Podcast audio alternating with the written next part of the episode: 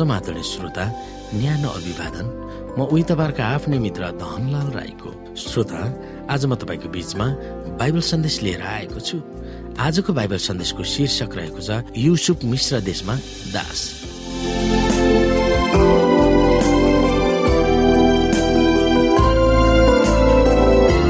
श्रोता जब युसुफले सामना गर्नु परेका केही अत्यन्तै उल्लेखनीय नैतिक चुनौतीहरू हामीले हेर्नेछौँ नैतिकताको बारेमा तामारको कथालाई हामीले एकछिन हेरौँ। अब हाम्रो ध्यान युसुफतिर लगाउँछौँ। उनलाई मिश्र देशको एकजना सैनिक हाकिमलाई बेचिन्छ। त्यो सैनिक राजकीय कर्मचारीहरूलाई थुन्नेको झ्यालखानाहरूको हाकिम थियो हामी यहाँनिर उत्पत्तिको उन्चालिस अध्यायलाई हेर्न सक्छौँ। युसुफ अब पोतिफरको घरको सर्वे सर्वा भएका थिए। घरको रेखदेख गर्ने र सम्पूर्ण व्यवस्थापन उनका हातमा सुम्पिएको थियो। उनमा के गुणहरू थिए जसले गर्दा उनी अरूहरूको प्रिय पात्र हुन पुगे। यहाँ हेरौँ। अब युसुफ मिश्रमा लगिएर फारोका एउटा अधिकृत अङ्गरक्षकका कप्तान पोथिभर भन्ने एकजना मिश्रीले तिनलाई त्यहाँ ल्याउने इस्माइलीहरूका हातबाट किने। परमप्रभु युसेफको साथमा हुनुहुन्थ्यो र त्यहाँ तिनको उन्नति भयो। तिनी आफ्ना मिश्री मालिकको घरमा बस्थे। तिनका मालिकले परमप्रभु तिनको साथमा हुनुभएको र तिनले गरेका सबै काममा परमप्रभुले उन्नति गराउनु भएको देखे। यसैले उनको निगाह योसेफमाथि रह्यो। योसेफले उनको सेवा सुसुरुवा गर्थे। उनले तिनलाई आफ्नो घरको मुख्य कारिन्दा तुल्याएर उनीसँग भएका सब थोकको जिम्मा तिनलाई दिए। उनले तिनलाई आफ्नो घरको र आफूसँग भएका सबै कुराको मुख्य कारिन्दा तुल्याएको समयदेखि परमप्रभुले युसेफको खातिर त्यस मिस्त्रीको घरमा आशिष दिनुभयो। परमप्रभुको आशिष उनको घरबार अन्न खेत र सबै कुरामाथि थियो। यसैले आफूसँग भएका सबै उनले युसेफको जिम्मामा छोडिदिए।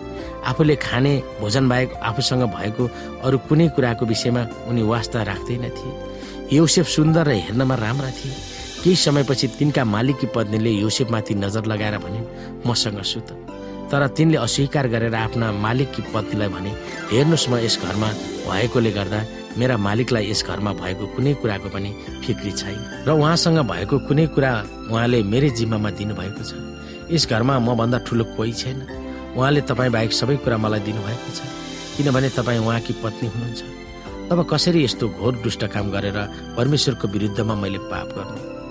अनि तिनले दिनदिनै योसेफसँग कुरा गरे तापनि तिनीसँग सुत्न अथवा तिनीसित बस्न योसेफ मानेन। एक दिन योसेफ आफ्नो काम गर्न घरभित्र गएका थिए। घरमा अरू कोही काम गर्ने मानिस थिएन। तिनले योसेफको लुगा समातेर भने मसित सुत। तर आफ्नो लुगा तिनकै हातमा छोडेर योसेफ भागे र घरबाट बाहिर निस्के। योसेफले आफ्नो लुगा तिनकै हातमा छोडेर घरबाट निस्केको देखेर तिनले आफ्ना घरका नोकरहरूलाई बोलाएर भने हेर मेरा स्वामीले त यहाँ एक हिब्रू हाम्रो बेज्जत गर्न ल्याउनु भएको रहेछ। त्यो मानिस सुत्नलाई यहाँभित्र आयो र म चिच्याएर कराएँ। म चिच्याएर कराए कि सुनि त्यसले आफ्नो लुगा मसँग छोडेर भाग्यो र घरबाट बाहिर निस्क्यो। तिनका पति घर नाउन्जेल तिनले त्यो लुगा आफ्नै साथमा राखिन् र उनी आएपछि तिनले यसो भनेर उही कुरा उनलाई पनि सुनाए हामी कहाँ तपाईँले ल्याउनु भएको त्यो हिब्रू नोकर मेरो बेजत गर्नलाई यहाँभित्र आयो।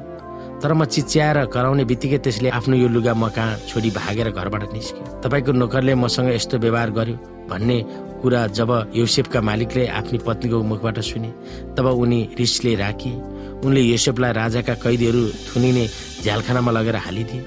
युसेफ त्यसरी झ्यालखानामा परे। तर परमप्रभु युसेफको साथमा हुनुहुन्थ्यो। र उहाँले तिनीमाथि टिठ्याउनु भयो अनि तिनलाई झ्यालखानाका हाकिमको निगाह पात्र बनाउनु भयो। त्यसकारण झ्यालखानाका हाकिमले त्यस झ्यालखानामा भएका सबै कैदीहरू युसेफको जिम्मामा राखिदिए।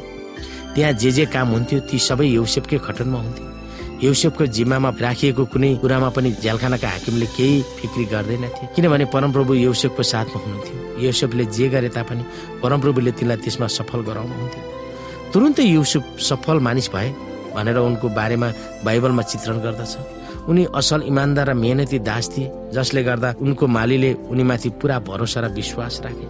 मालिकले आफ्नो भएको सबै थोक उनको जिम्मामा छोडिदिएको थियो र घरको मुख्य कारिन्दा बनाएका थिए। युसुफको सफलताले उनलाई भ्रष्ट बनाउँदैन। हट्टा कट्टा सुन्दर र खाइलाग्दो नवजवान युवक देखेर पोतिफरको श्रीमतीको आँखा उनमाथि परेको थियो। कतिपय समयमा आफूसँग सुत्न उनले युसुफसँग आग्रह गरेकी थिए। तर उनको अनुरोधलाई युसुफले उनले ठाडे अस्वीकार गर्छन् र बरु आफ्नो काम छोड्न तयार हुन्छन् र भन्छन् यस्तो दुष्ट काम मैले कसरी गर्ने र परमेश्वरको विरुद्धमा पाप किन गर्ने? यसकारण आफूसँग सुत्न युसुफको अस्वीकारले त्यस स्त्री आफू अपमानित भएको महसुस गर्छिन् र उनका अरू नोकरहरू र श्रीमानलाई युसुफले उनलाई बलात्कार गर्न खोजे भनेर झुटो आरोप लगाउँछ र त्यसको फलस्वरूप सफलताको चुचुरोमा पुगेका युसुफ झ्यालखानामा जाकिन्छ यस्तो बेलामा युसुफ के भयो होला? त्यस्तो विषम परिस्थितिमा हामी पर्दा हामीले पनि त्यही सोचौँ परमेश्वरले मलाई त्याग्नु भयो तर खुसी लाग्दो कुरो के थियो भने त्यस्तो कठिन समयमा पनि परमेश्वर उनीसँग हुनुहुन्थ्यो। परमेश्वर चुप लागेर बस्नु भएको थिएन। झ्यालखानाका हाकिमको निगाह युसुफमाथि पार्न परमेश्वरले प्रभाव पार्नु भएको थियो। यहाँ पनि पोतिफरको घरमा जस्तै परमेश्वरले उनलाई आशिष दिनुहुन्छ। उनमा एउटा खुबीको सराहना गर्नुपर्छ। जुनसुकै परिस्थितिलाई पनि उनले उत्तम बनाउन चाहेका थिए। झ्यालखानामा उनी दासै थिए। निराश र विषम परिस्थितिलाई उनले टाउकोमा हात राखेर विचलित भएनन्। बरु त्यसबाट कसरी उम्किने नसोची त्यसलाई कसरी सकारात्मक बनाउने भन्ने सोचमा उनी थिए।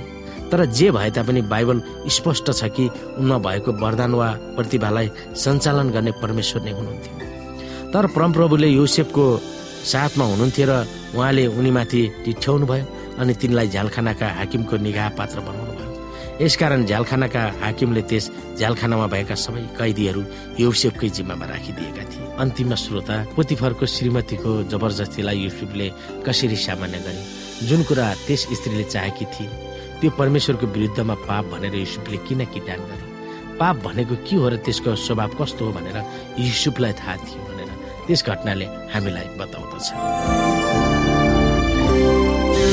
श्रोता साथी आजको लागि बाइबल सन्देश यति नै। हस्त नमस्ते जय मसिंह।